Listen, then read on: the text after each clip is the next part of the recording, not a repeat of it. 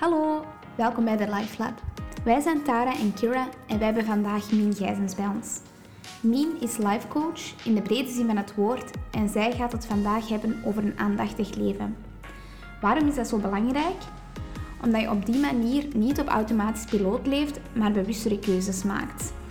Zo leer je niet alleen doelen stellen, maar die ook realiseren, zodat jij meer uit je leven haalt en gelukkiger wordt.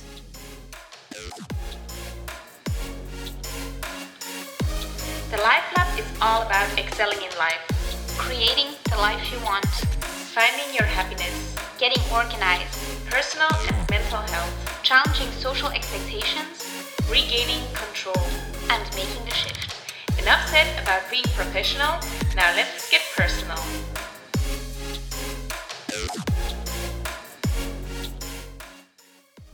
Hey Mien, ook van mij super welkom uh, en uh, alvast bedankt om een van onze eerste gasten te zijn op onze podcast. Zou je jezelf eens kort eventjes willen voorstellen? Goedemiddag, ik ben inderdaad Mien, handelsingenieur, lifecoach en trainer. En zoals Kira zei, is dat inderdaad in de brede zin van het woord. Want dat is natuurlijk niet de meest logische of typische combinatie dat je hoort. En ik heb daar wel heel bewust voor gekozen. En dat is op een bepaalde manier ook net waar ik voor sta om echt uw eigen leven te leiden. En u daarbij niet veel te laten leiden door wat de maatschappij daarin verwacht en de keuzes die verwacht worden te maken. En ik geloof dat het ook wel een heel waardevolle combinatie is, sowieso. En ik vind dat zelf ook gewoon een heel leuke combinatie. Dus blijf ik dat vooral doen. Ja, voor ons groeide de Life Lab echt uit als een project om meer uit het leven te halen dan enkel werk. Ehm, is dat ook wat jij met life coaching uh, doet? Absoluut, niet toevallig is een tagline, of een van de taglines van mijn bedrijf ook, om het beste uit jezelf, je leven en je bedrijf naar boven te halen. En ik geloof ook dat dat echt nodig is. Ik vind dat gewoon zo zonde dat er zoveel mensen zijn die voelen dat er meer in zit en daar niks mee doen. En twee dingen die daarin mij heel hard getriggerd hebben en die mij eigenlijk ja, gemotiveerd hebben om die richting verder in te slagen, is enerzijds het concept van onbenut potentieel.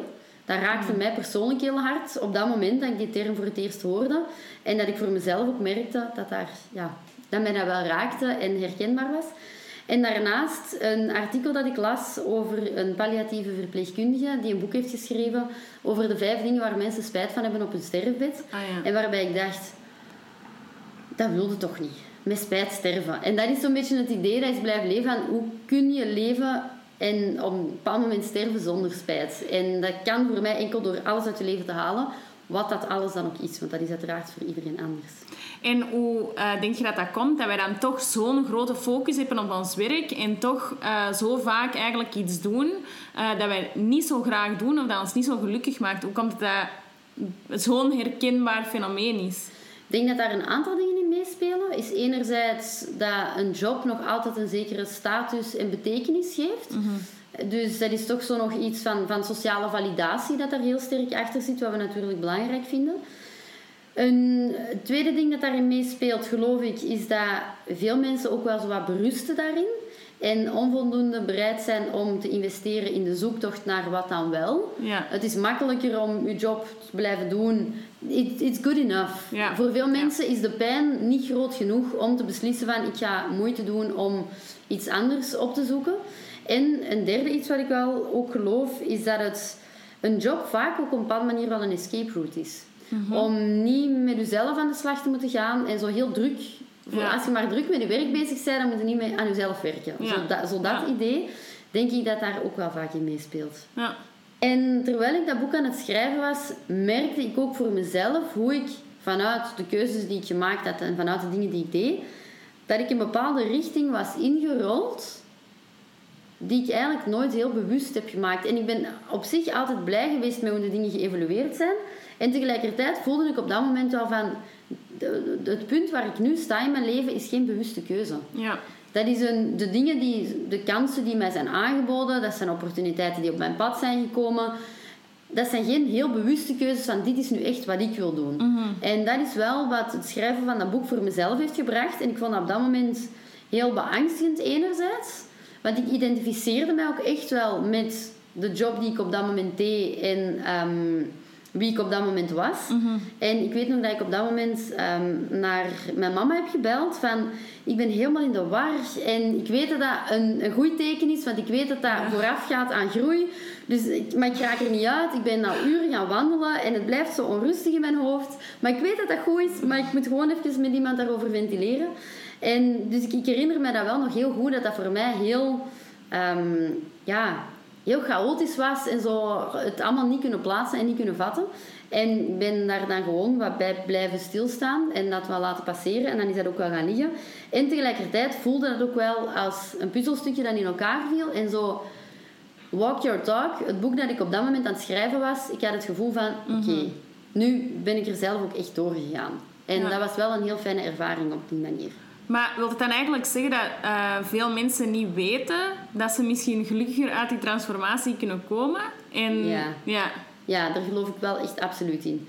En ik denk het makkelijkste te vergelijken is met een relatie waar dat je in zit, Ja. waarvan hij zegt, ja, weet je, in elke relatie is er wel iets. Ja. En wat is de grens tussen, ja, het is gewoon, je kunt de perfectie niet verwachten en tussen over je grenzen laten gaan en berusten in iets wat eigenlijk niet zo goed is voor u. Dat is niet altijd een, een, een duidelijke lijn. En ik geloof dat dat hetzelfde is in, in een job en in alles wat daar rondhangt, is dat we snel het gevoel hebben van, goh, maar ja, het is toch goed genoeg. Ja. En er zijn zoveel mensen die het erger hebben en het kan toch slechter en zo dat. Dat we daarom ook niet altijd beseffen hoe het dan anders of beter kan. En hoe kun je dan mensen tot inzicht laten komen dat het wel beter kan? Of hoe kunnen mensen er bij hun eigen over nadenken van... "Hmm, Oké, misschien is er toch iets eh, dat beter kan bij mij. Of kan ik toch met iets anders beter bezig zijn? Of... Ik geloof dat dat in de eerste plaats te maken heeft met een heel duidelijke keuze en commitment om dat voor jezelf te onderzoeken. Ja. En wat bedoel ik daarmee? Heel weinig mensen hebben de bereidheid om voor zichzelf met die dingen aan de slag te gaan. Ja. En ik merk dat ook een stukje de maatschappij waar we in zitten, en ik reken mezelf daarbij voor alle duidelijkheid, is zo heel het instant gratification verhaal. Nu besteld is al niet meer morgen in huis, maar Ja. straks in de winkel. Ja. En we merken dat ook. Ik heb nog een tijd voedingsadvies gegeven. En mensen hebben zoveel behoefte aan gewoon een pilletje. En hebben geen zin of willen niet de moeite doen om hun levensstijl te gaan aanpassen. Ja. En ik merk dat dat zich ook in andere domeinen doortrekt. En uiteraard, moest dat pilletje bestaan, ik zou het ook nemen. Ja. Het zou uiteraard heel handig zijn. En zo zit het leven niet in elkaar. En ik merk ook op mentaal vlak, als mensen vooruit opleidingen bij mij volgen, dat zij dan hopen dat die opleiding de oplossing is. Ja. En dat kan het ook zijn, als ze zelf de moeite doen om die opleiding dan te integreren en daarmee aan de slag te gaan en in praktijk te brengen. En daar schort het wel vaak dat ik merk dat mensen zo, ja. Dus in de eerste plaats is het het commitment aan jezelf om op zijn minst jezelf eerlijk die vragen te durven stellen. Van hoe gaat het nu echt met mij? Wat voelt er zwaar? Wat is er lastig? Wat, vind- wat kan er beter? Wat, wat wil ik anders? Om ook echt te durven luisteren naar de antwoorden die komen. Want op zich stellen mensen zich die vragen nog wel snel, maar hebben dan de neiging om de antwoorden te gaan wegrationaliseren. Ja, ja, ja. Dus dat is zo wel iets om voor jezelf echt die eerlijkheid aan te gaan. Ja. En, en misschien daar ook eh, tijd voor durven en willen nemen. Want vaak hebben mensen zo excuses van ja, maar dat gaat toch niet met mijn job. Of ja, maar ik heb kinderen. Of Ja, absoluut. Helemaal mee eens, want die, die dingen vragen sowieso ook tijd. En effectief, het gaat ook over jezelf de moeite waard vinden om die tijd in te investeren. En op dat moment nee te zeggen tegen andere dingen, om dingen voor jezelf te kunnen doen. En voor jezelf is dan op dit moment hè, inderdaad jezelf beter leren kennen en dingen ontdekken en zo. En heel vaak is dat eerder een oppervlakkig iets, die smoesjes. Omdat ze voelen dat daar toch een bepaald discomfort onder zit. Van, Maar eigenlijk wil ik mezelf die vragen niet stellen, want ik weet het antwoord al. En ik wil vooral niet luisteren naar dat antwoord en daar vooral niet naar handelen. Dus laat het maar zoals het is. En dat heeft ook wel te maken met het feit dat wij als mens enerzijds... Wij zitten continu in de spreidstand tussen status quo, behoudingsgezindheid, weg van de minste weerstand, laat alles maar zoals het is. En heel veel behoefte aan vooruitgang, drive, voorplanting, verderzetting, noem maar op. En Ja. dat is een constante spreidstand waar we in zitten. En dat op zich ook al erkennen, dat daar dat dilemma zit, kan ook al wel helpen om er dan ook effectief stappen in te zetten. Ja, oké. En ja, wat zou je zeggen tegen mensen die dat dan inderdaad wel voelen van... ja, er, er schort iets. Ik voel me niet helemaal comfortabel in de manier van leven waar ik in zit. Maar die wel een gezin hebben bijvoorbeeld om voor te zorgen. Of die dat eh, denken dat ze eh, niet direct weg kunnen gaan van hun job. eh, omwille van financiële redenen. Of ja, laat het nu je gezin zijn of laat het nu je job zijn. Dat ze het gevoel hebben dat ze te veel andere verplichtingen hebben. Om zich daarvan los te zetten en even op hun persoonlijke zoektocht te gaan.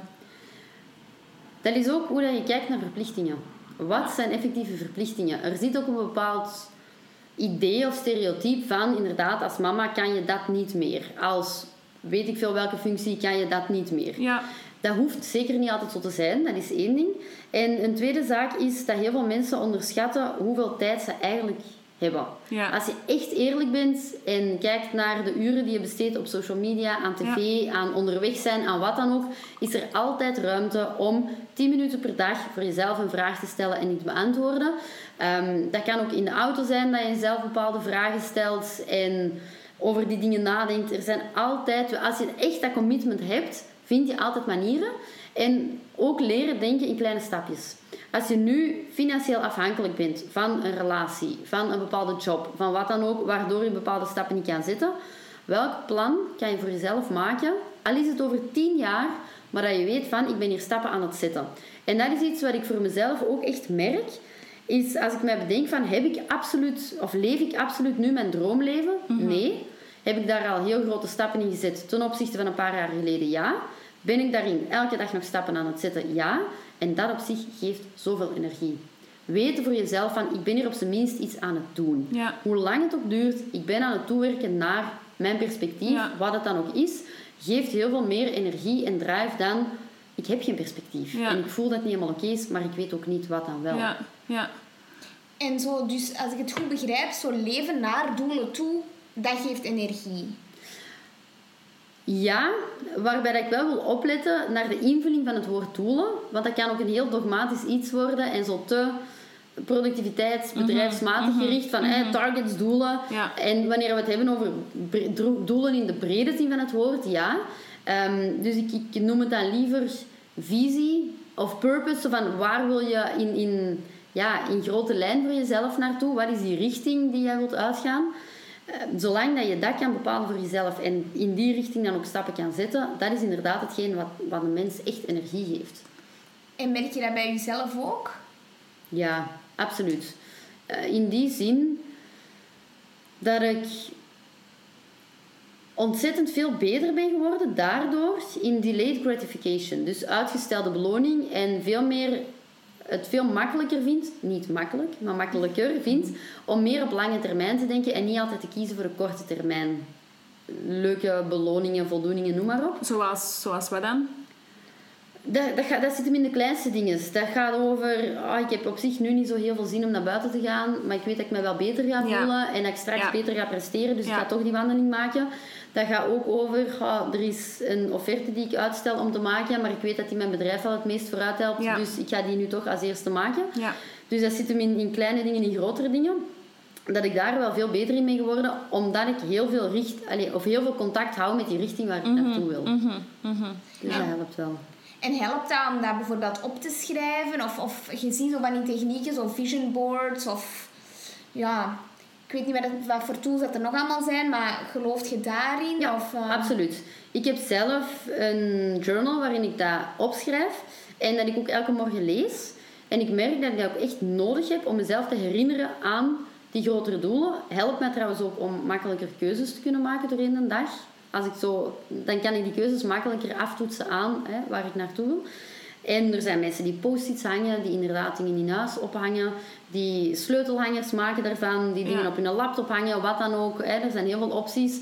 Wel is het inderdaad, zoals hij terecht aanhaalt, belangrijk om dat in het vizier te houden. Want anders is dat zo makkelijk, ook voor mezelf, en dat gebeurt nog altijd regelmatig, om door de waan van de dag u te laten meeslepen en toch maar gewoon verder te doen en eigenlijk uw, uw eigen zaken uit het oog te verliezen. Ja. Oké, dus eens dat we onze eh, goals hebben vastgesteld, eh, zijn dat wel handige tips om daar inderdaad mee aan de slag te gaan. Maar als je nu eigenlijk nog niet weet wat dat je goals zijn, hoe kun je daar dan aan beginnen?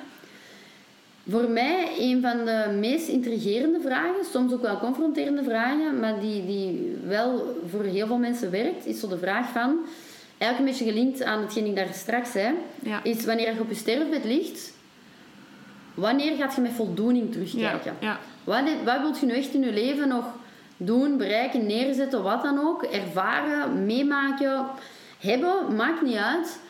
Maar wanneer gaat je met voldoening kunnen sterven? Ja. En kunnen afsluiten en terugkijken en zeggen van, ik heb een goed leven gehad. ja. En een vraag die daaraan gekoppeld is, een beetje tegenovergestelde en meer in het heden staat, is... Stel dat ik van een dokter hoor dat ik nog 24 uur te leven heb. Wat, wat zou ik nog missen? Wat zou ik ontbreken? Waarvan zou ik nu spijt hebben? Als ik nu, welk gesprek heb ik niet gevoerd? Welk, ehm, welke beslissing heb ik niet genomen? Welke stap heb ik niet gezet? Zo, en dat zijn wel vragen die u heel dicht brengen bij wat er voor u belangrijk is. Ja, inderdaad. En waarom denk je eigenlijk dat dat zo belangrijk is? Dat mensen daar toch eh, zich zo hard van bewust zijn en dat die ergens daar een shift in maken van hoe dat we nu bezig zijn? Ik geloof dat dat belangrijk is voor mensen die voelen dat er iets schort Ja. en dat er iets knaagt. Want er zijn ook echt mensen die daar veel minder mee bezig zijn en die dat ook echt niet nodig hebben. Die effectief perfect gelukkig zijn. Die zouden misschien nog heel veel gelukkiger kunnen zijn Ja. en nog heel veel meer uit hun leven kunnen halen. Maar die voelen absoluut die behoefte niet, omdat die echt oprecht voelen dat het oké is. En ik ken ook echt zo mensen, want ik vond dat in het begin vroeger moeilijk om te geloven. Maar ik ben ondertussen ook effectief wel een aantal mensen tegengekomen die zeggen van ik weet dat ik er meer uit kan halen, maar dit is echt oké. En die echt oprecht kunnen zeggen van mijn leven is helemaal prima zoals het is nu. Ja. Dus het is ook wel alleen maar nuttig voor mensen die voelen dat er iets... kna- Het is uiteraard niet de bedoeling dat we mensen voor wie alles prima is dingen gaan aanpraten waar ze dan last van hebben of wat dan ook. Hè. En daarbij wil ik ook wel een kanttekening maken bij de tagline van mijn bedrijf en hetgeen waar jullie natuurlijk ook rond werken, het beste uit jezelf naar boven halen. Dat mag geen druk of dwang met zich Ja, meebrengen. Want ik merk ook wel dat we in zo'n prestatiemaatschappij zitten en een zot goede job en vrijwilligerswerk en een goede mama zijn of goede papa zijn en heel veel vrienden hebben en aan je gezondheid werken en ondertussen nog wat aan zelfontwikkeling doen en, en noem maar op. Dat zit er al heel sterk in onze maatschappij. Ik wil dat niet gaan versterken. Dus wat ik bedoel met het beste uit jezelf naar boven halen, is het leven leiden dat bij u past. Ja, en dat ook kan ingaan tegen wat de maatschappelijke normen misschien zijn of verwachtingen daarin zijn. Over die maatschappelijke normen gesproken, hoe kunnen wij andere mensen daarmee helpen? Want het is inderdaad eh, geweten dat wij, dat wij als maatschappij daar heel hard op toezien en dat als maatschappij een beetje wordt aangewakkerd. Dat je ambitieus gedrag op al die vlakken. Ja. Eh, hoe kunnen wij daar milder in zijn naar andere mensen toe? Naar ons vrienden, naar onze familie. Mensen die dat eigenlijk eh, misschien daar wel een beetje mee struggelen en die daar misschien een alternatiever pad dan waar dat er wordt...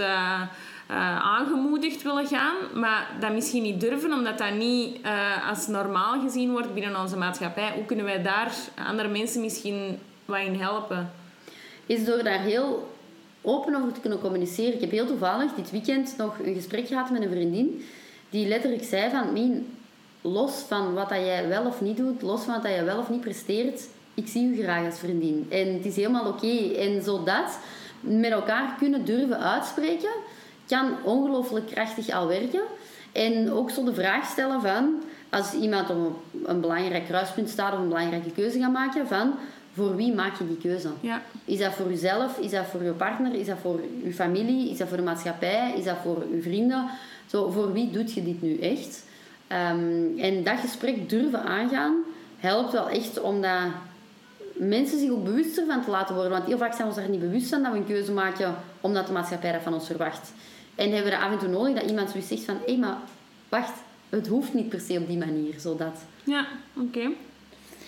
Ehm, ja, ik denk dat we wel een heel mooi gesprek hebben gehad met ehm, heel veel eh, food for thought, zoals ze zeggen. Ehm, misschien nog afsluiten met één concrete tip of actie dat de luisteraars eh, na deze podcast mee aan de slag kunnen gaan en misschien kunnen implementeren in hun eigen leven. Sowieso die twee vragen dat ik daarnet zei. Dus hè, waar dat je, eh, wanneer dat je met voldoening zou kunnen sterven en stel dat je morgen nog maar één dag te leven hebt, waarvan zou je dan eventueel spijt hebben en wat heb je daarin te doen? En een andere heel concrete actie is om heel bewust pauzes in te lassen. En met pauzes bedoel ik niet een uur, weet ik veel wat gaan doen, maar heel kort een check-in moment, dat kan één keer per week al zijn. Gewoon jezelf heel even de vraag stellen van, hoe gaat het nu met mij? Want daar vertrekt het al vaak dat we zelfs ons niet altijd bewust zijn van het feit dat er iets knaagt. Ja. En dat er een sluimerende onrust zit. En ik vergelijk dat altijd met heel een dag in de weer zijn en pas avonds merken als je in de zetel zit hoe moe dat je bent. Het is een beetje dat. En zo af en toe eens gewoon inchecken bij jezelf van hoe gaat het nu echt met mij? En dat is voor mij een van de meest krachtige dingen om die automatische piloot te doorbreken en om stilaan dat proces in gang te zetten om meer en meer voor jezelf te kiezen en ja, meer en meer te doen wat dat voor u belangrijk is. Oké, super. Super, wij gaan er alvast mee aan de slag gaan. Heel erg bedankt. Met heel veel plezier, jullie ook. Volgende maand verschijnt er weer een nieuwe podcast To Excel in Life. Volg ons zeker op onze Instagram-pagina at thelifelab.be voor andere leuke tips en tricks. We love your feedback, dus laat ons zeker weten wat je ervan vond. Stuur ons je vragen of suggesties via onze contactpagina op onze website of via een DM via Instagram. Ben jij of ken jij iemand die wij zeker moeten spreken? Let us know. Tot de volgende!